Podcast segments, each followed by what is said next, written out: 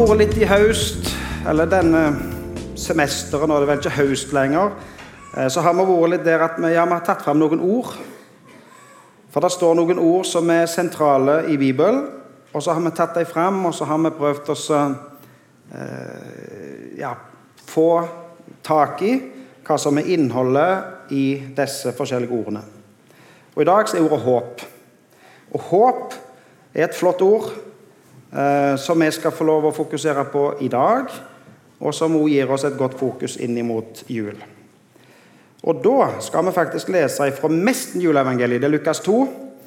Det er ikke helt juleevangeliet sånn som vi hørte i filmen, for det er på en måte litt i forlengelsen av juleevangeliet. Men det er Lukas 2 og vers 25 eh, skal vi lese. Så dere kan slå opp Lukas 2, de som vil det. Lukas 2 og vers 25. Vi må se om jeg finner det her, da.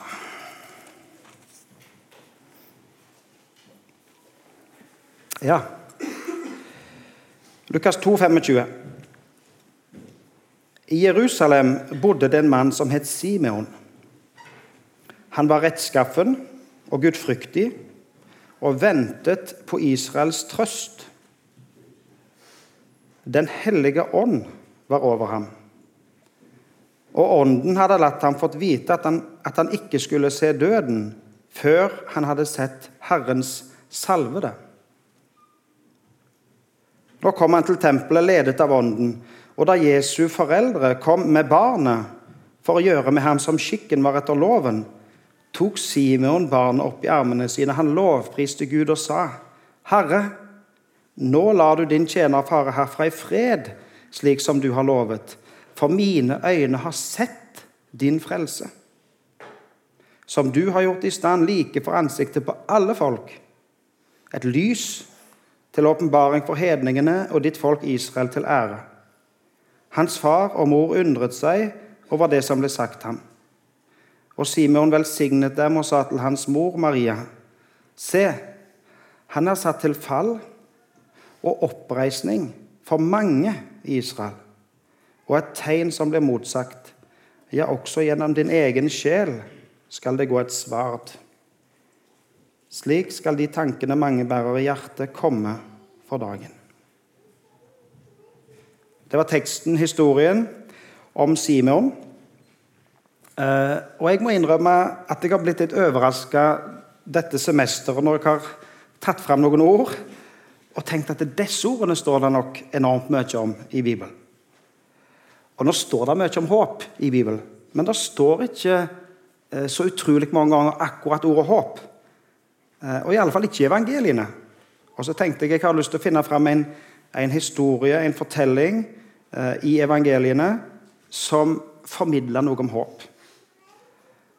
Og som dere sikkert er med meg på, så skjønner dere at i denne teksten der står det ikke nødvendigvis Eller det står faktisk ikke akkurat ordet håp, men han er full av håp likevel.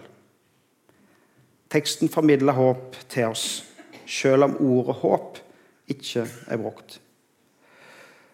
Ordet håp er jo et flott ord, et positivt ord, et, et godt ord. Eh, fyller oss med, med, noe godt. Og så kjenner vi ordet håp, vi bruker ordet håp i dagligtalen. Og så kan det hende at vi må justere litt på innholdet av ordet håp. Fra vår dagligtale, sånn som vi bruker det vanligvis, og til sånn som det brukes i Bibelen. Og det som Gud vil formidle til oss i ordet håp. Det er faktisk litt som med ordet tru. Hvis dere kommer på når vi hadde om ordet tru. For ordet tru, sånn som vi bruker i dagligtalen, er litt annerledes enn sånn som det brukes i Bibelen. Og For å begynne litt med, med det, så skal vi slå opp i Romerbrevet 8. Eh, så Vi skal gå til Romerbrevet 8 og lese et vers der, vers 24. Romerbrevet 8 og vers 24.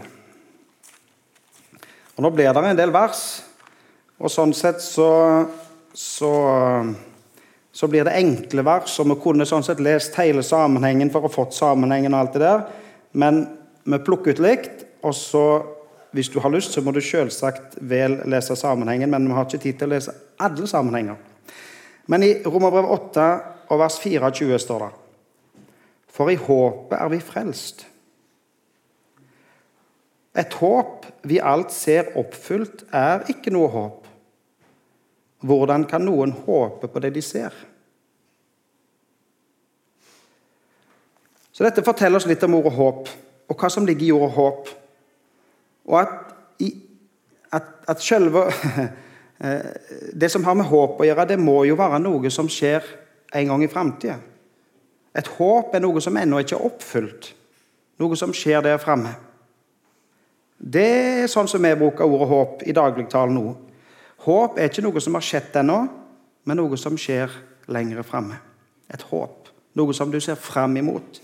Noe som gjerne du lever for, og som du lever i forventning og tro om å møte. Og det å leve med håp er noe helt annet enn å leve uten håp. Det er totalt forskjellig. Et liv med håp eller et liv uten håp. Vi har sikkert alle hørt historier fra andre verdenskrig og fra det som skjedde i konsentrasjonsleirene under andre, andre verdenskrig. Og Flere av, av, historiene og fortellingene fra andre verdenskrig forteller om, om fanger som holdt ut forferdelige forhold. Grusomme ting.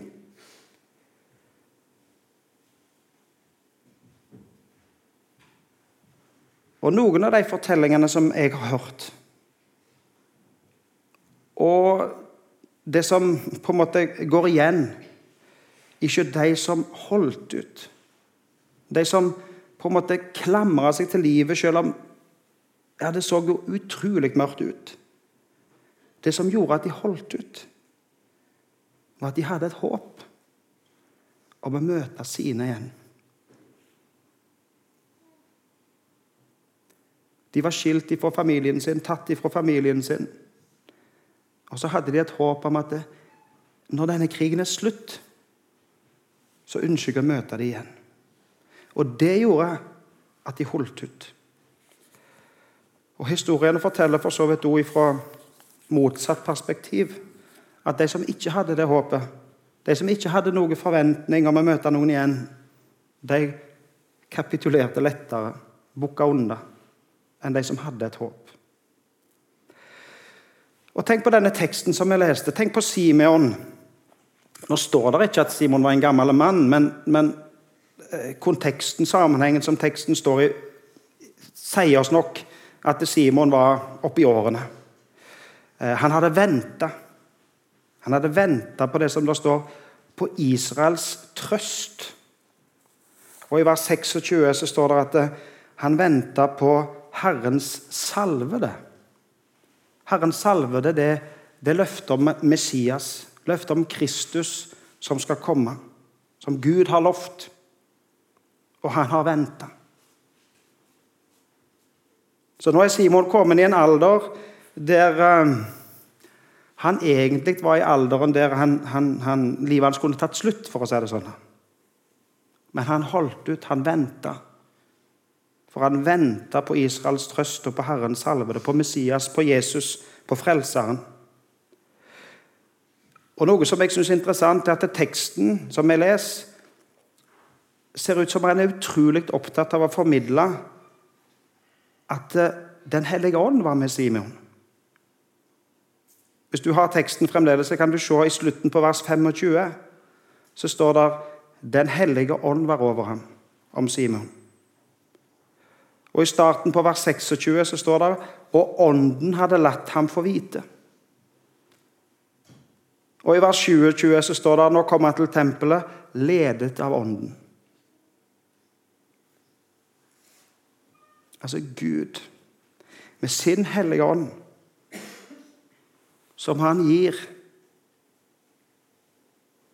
som han bruker, som leder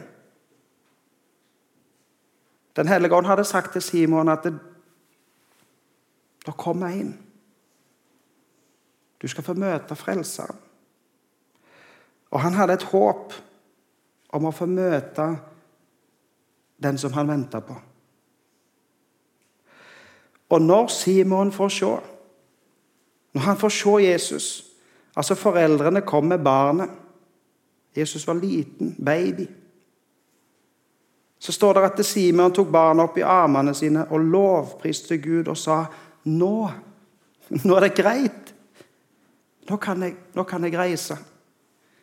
For nå har jeg fred. For mine øyne har sett din frelse, sier Simon. Nå har jeg fred. Nå har jeg trygghet. For jeg har sett din frelse. Nå er det greit. Nå kan jeg reise. Hvordan var Simeon sitt håp? Vi forstår jo en del. Nå, nå, nå, sa jeg innledningsvis at vi forstår hva som ligger i ordet håp, for vi bruker det i dagligtalen. Men samtidig så er dette ordet håp i Bibelen brukt litt annerledes enn i vår dagligtale. Når vi leser om Simeon sitt håp her, så var ikke det som et lotteri. Det var ikke sånn at det kan hende jeg får møte han. Litt usikkert, men muligens. Nei, Simon var 100% sikker. Han hadde et håp som han var 100% sikker på at Gud skulle oppfylle.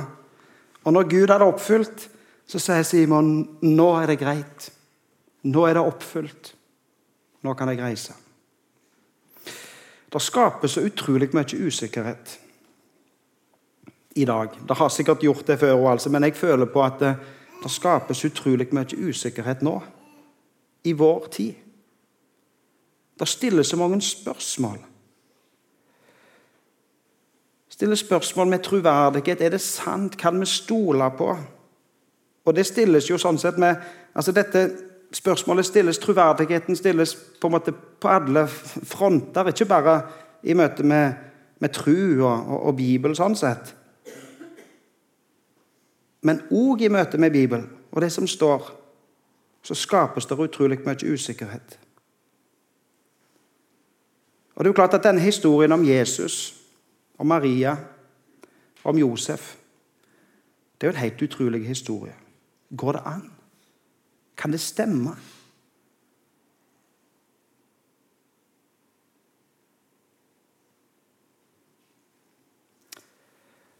Det er faktisk helt utrolig å lese juleevangeliet. Og så leser du historiske fakta. Tidsbefesta. Plasser som vi kan finne på kartet. Om begivenheter som er historisk dokumentert, om personer som du finner igjen i historien. Og så ser du at det passer inn. Det stemmer. Det er beskrevet i den settingen og i den sammenhengen som faktisk er historisk dokumentert. Og så har jeg tenkt Maria Josef vi hørte, Når vi hørte juleevangeliet lest at Maria, eh, som ikke hadde vært sammen med noen mann hun tenkte hvordan i all verden skal dette skje?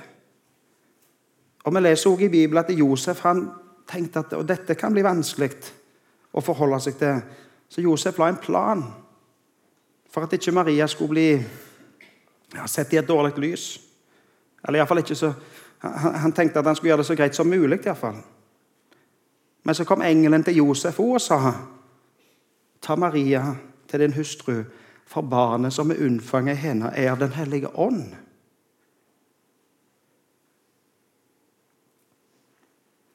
Det må jo ha vært på den tid oh, um, Hva skal du si? Det må ha vært flere barn enn Jesus som er født utenfor ekteskapet. for å si det sånn.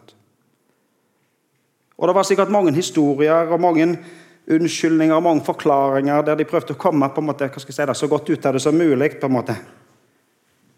Men det var jeg, tar, jeg må garantere det var ingen som var så kreative som Josef. Som sa nei, dette er Gud og Den hellige ånd. og her er Dette et under i Marias mage. Altså, tenk, går det an å tro på? Og så var Josef og Maria og Jesus for så vidt, og de som har vært rundt, de som kjente historien De har vært så overbevist Ja, men det var jo sant. ikke sant? Men de var rett og slett så overbevist, de var så sikre på sannheten at de formidla dette som en sannhet som har overlevd i 2000 år. Og hadde virkelig denne historien fått leve i 2000 år hvis han ikke var sann? Og skal vi nå, 2000 år etterpå, på en måte nå skal vi finne ut Nei, dette kan ikke være sant. Og så stiller vi spørsmål med troverdigheten. Det er en historie som har på en måte vist seg å være sann i 2000 år.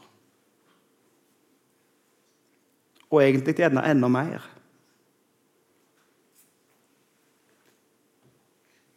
Hadde Gud formidla denne historien til oss i 2000 år hvis ikke han var sann? Gud, den allmektige, gjorde et under og kom sjøl til vår jord som menneske. Og så kan vi som har møtt han, vi som har sett han, vi kan si sånn som Simeon sa Nå har jeg sett din frelse. Mine øyne har sett din frelse. Simeon var ikke i tvil. Simeon var 100 sikker. Han var faktisk så sikker at han sa nå kan livet mitt ta slutt, for jeg vet. Jeg har sett, jeg har møtt frelsen. Vi må slå opp Hebreabrevet 6. Hebreabrevet 6, og bare egentlig en setning fra et vers i Hebreabrevet 6, vers 19. Hebreabrevet 6 og vers 19.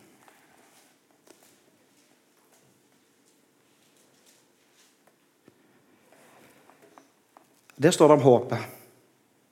Og der står Dette håpet er et trygt og fast anker for sjelen. Det på en måte strekes unna. Tre streker under svaret. Dette håpet er trygt. Og det er fast. Ja, det er som et anker. 100% Trygt, fast anker for sjelen. Det snakkes en del om i dag Gjorde sikkert før, og jeg vet ikke, men i alle fall i dag, i vår tid, så snakkes det en del om psykisk helse. Om mental helse. Altså, Det fins helse som er fysisk, og du kan trene og, og være i god form og ete sunt. og alt det der. Men så fins det òg helse som du på en måte ikke kan, kan se og ta på men som òg henger sammen med helsetilstanden din. Altså de psykiske eller de mentale helsa.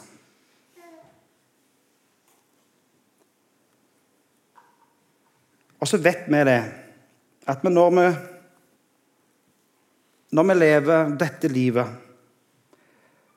så vil det komme ting i vår vei som er vanskelige. De færreste av oss går gjennom livet uten utfordringer.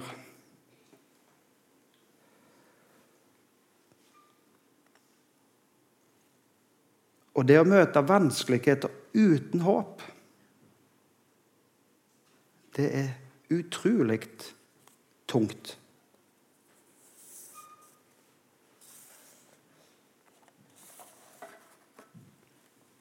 Men Gud,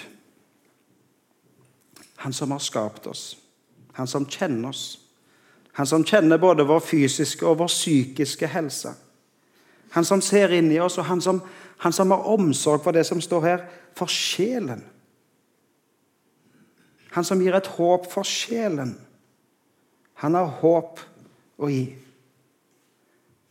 Og I møte med det som er vanskelig, så inviterer han oss. Og så sier Gud, 'Kom til meg. Jeg har håp. Be til meg. Legg det i mine hender. Jeg vil gå i lag med deg. Jeg vil gi deg håp.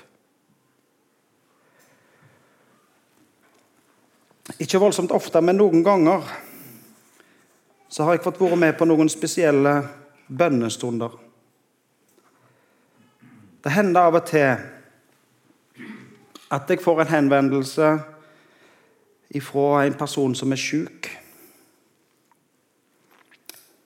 Og så spør jeg vedkommende er det mulig å bli salva og bedt for. Og så er det på en måte litt ukjent for oss, for det skjer ikke så ofte.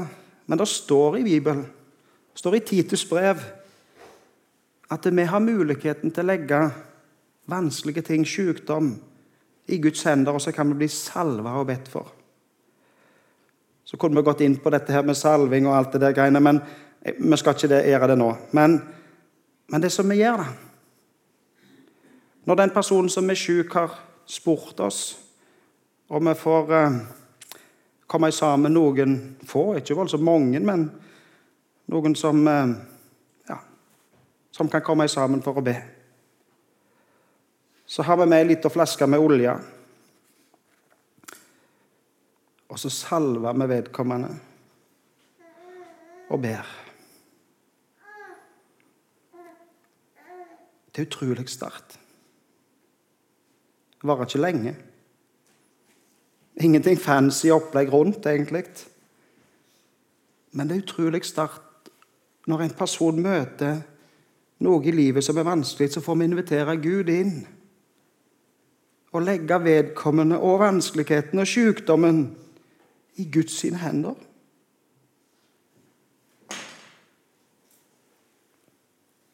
Og så ber vi om helbredelse.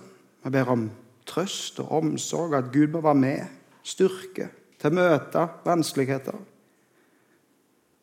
Og så er det ikke alltid Gud griper inn sånn som vi håper og tenker. Kanskje ikke engang sånn vi ber om. Men alltid, hver gang, så forteller den som blir bedt for, at dette var godt, dette var rett, dette var trygt, dette var ja, De kommer styrka ut av fordi at den har fått lagt i Guds sine hender. Og så er det en utrolig fin måte å på en måte ja, gjøre det sånn som Gud har beskrevet det i Bibelen, og så får en legge det i Guds sine hender på en spesiell måte. Og den som blir bedt for, går alltid styrka ut av en sånn handling. Gud har håp å gi. Gud er med oss. Vi kan få legge livene våre i hans hender. Og det å gå og leve livet i lag med Han, som gir oss håp, er noe helt annet enn å leve livet uten håp. En interessant sånn faktaopplysning er den bok i Bibelen som bruker ordet håp aller mest. Så dere kan tenke dere til hvilken bok det er, eller tippe. Men den, brukes, den boken som bruker ordet håp aller mest, hvis du gjør et søk om håp og håpet og, og sånn ja. Så får du flest treff i Jobbs bok. Ganske mange treff i salmene nå, men jeg tror faktisk Jobb har flere treff enn salmene. Hvorfor er det så mange treff i Jobbs bok? Jobb han var jo en mann som møtte flere vanskeligheter enn noen andre i Bibelen. Hva var det som holdt jobb oppe? Jo, det var håpet. Og i Jobbs bok står det om håpet mer enn i noen andre bøker i Bibelen. Vi skal slå opp et vers til i Titus brev. Titus brev i det første kapittelet og vers 2. Ja, men se, det er liksom Titus. Det er litt lite der innimellom her. Eh, der var Titus. Kapittel 1 og vers 2. Og dette er jo sånn Ok, det plukkes ut, men, men, men, men eh, det sier oss utrolig mye likevel. For du ser jo at vi kommer midt i en setning. Det begynner faktisk til og med med 'og'. Eh, men det som, viktig, det som, jeg tenker vi skal ta med oss nå, er det som kommer etter òg. Og der står Håp om evig liv. Håp om evig liv. Dette livet har Gud, som ikke kan lyve, gitt løfte om fra evighet av. Vi tenker om ordet håp som gjerne litt sånn usikkerhet. Vi håper, ikke sant? Men her sies det at dette håpet, som er et håp om evig liv, det har Gud som ikke kan lyge, gitt løfte om fra evighet av. Gud kan ikke lyge. Og når Gud har sagt, så er det så. Og det er helt, helt sikkert. Håp om evig liv. Nå blir det litt bleing, men kan du slå opp 1. Korinterbrev 15? 1. Korinterbrev 15 og vers 19. Og det jo er et vers som står i en stor sammenheng, og som ja, Du tenker at det er litt sånn eh, Det høres nesten litt negativt ut, men det, det, gir oss et stort og viktig poeng. 1. Korinterbrev 15, 19. Der står Hvis vårt håp til Kristus gjelder bare for dette livet, er vi de ynkeligste av alle mennesker. Hva betyr det? Jo, håpet om Kristus gjelder for dette livet. Vi, vi, får lov å leve i lag med Jesus i dette livet. Han gir oss håp i dette livet. Men hvis det bare gjelder for dette livet, hvis det ikke er enda mer, sier Paulus, er vi de ynkeligste av alle mennesker. Det var utrolig sterk språkbruk sånn sett. Men det Paulus vil ha fram, det er at vi har håp for dette livet. Ja, Jesus er med oss i dette livet, men enda mer. Så gir han oss håp om evig liv, sånn som Gud har sagt, han som ikke kan lyge. Og så Hvis du nå klarer å hoppe til 1. Tessalonikerbrev, kapittel 4 1. Tessalonikerbrev, kapittel 4. Jeg er snart ferdig med denne bledingen. Men uh, i 1. Tessalonikerbrev kapittel 4 vers 13 så står det Vi vil at dere skal vite, søsken, hva som skjer med dem som er sovnet inn.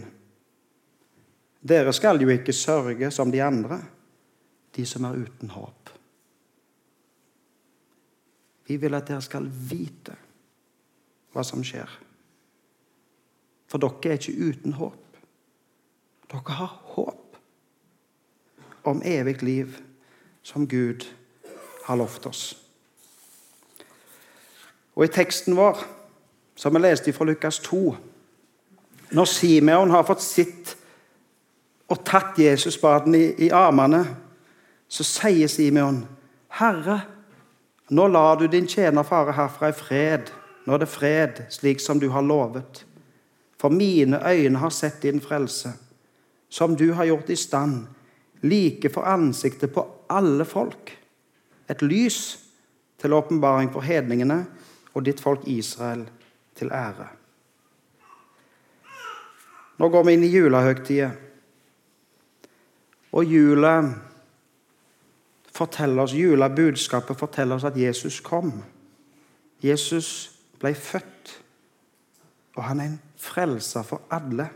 Her i teksten vår står det faktisk 'alle folk', og at han er et lys. Han kom som frelser, lys, for alle folk. Og så er det jo et paradoks, egentlig, at i vår del av verden så drukner vi jul. Vi, oversvømmes av jul. Mens i andre deler av verden så er jul helt fraværende fins ikke jul. Her i vår del av verden så er julen på en måte blitt så store at det egentlige budskapet drukner. Vi får ikke tak i hva det egentlig handler om, for det er så mye annet. Enormt mye annet. Og enormt mye fokus på andre ting.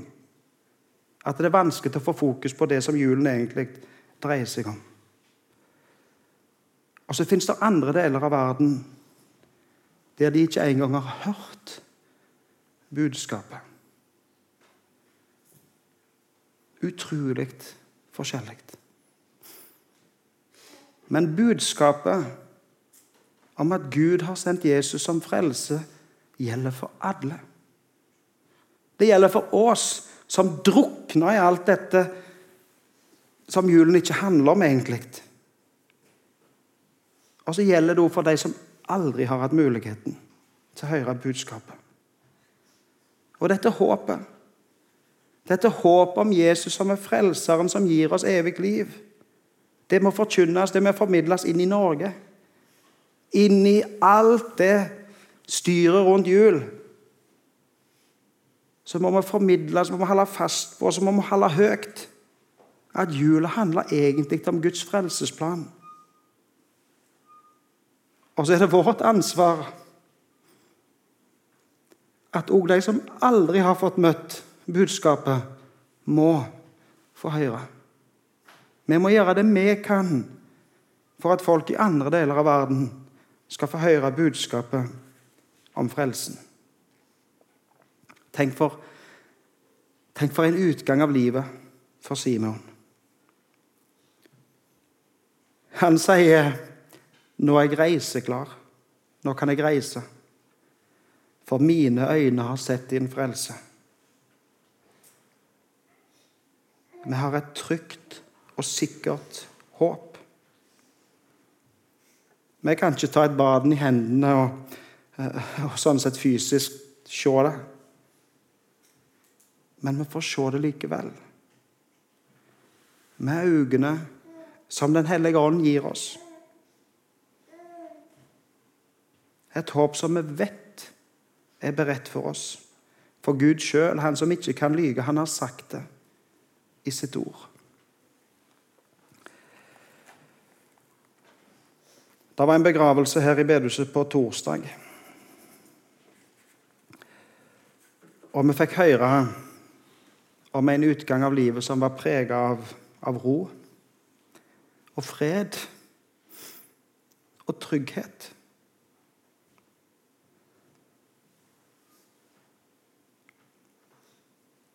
De siste ordene han Per hørte mens han levde her på jord. Det var ordene fra Salme 23. Herren er min hyrde. Jeg mangler ingenting. Og så forteller de som var rundt ham, at han sovna inn i fred, i trygghet, i visshet om at det håpet som han hadde her på jord, det gjelder inn i evigheten håp om evig liv. Skal vi be. Jesus, takk for håpet. Takk for livet. Takk for evigheten. Takk for juleevangeliet som du formidla til oss.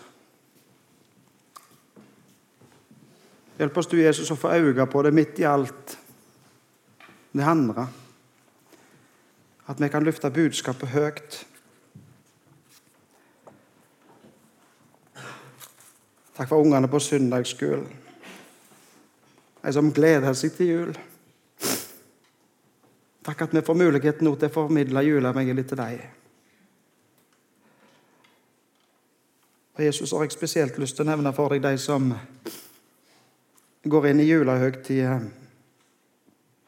eh, med vanskelige ting. Med utfordringer, med sorg. Og ber spesielt om at du må være nær hos deg. Og legge inn i dag, adventstida og julehøgtida i dine hender. I ditt navn, Jesus. Amen.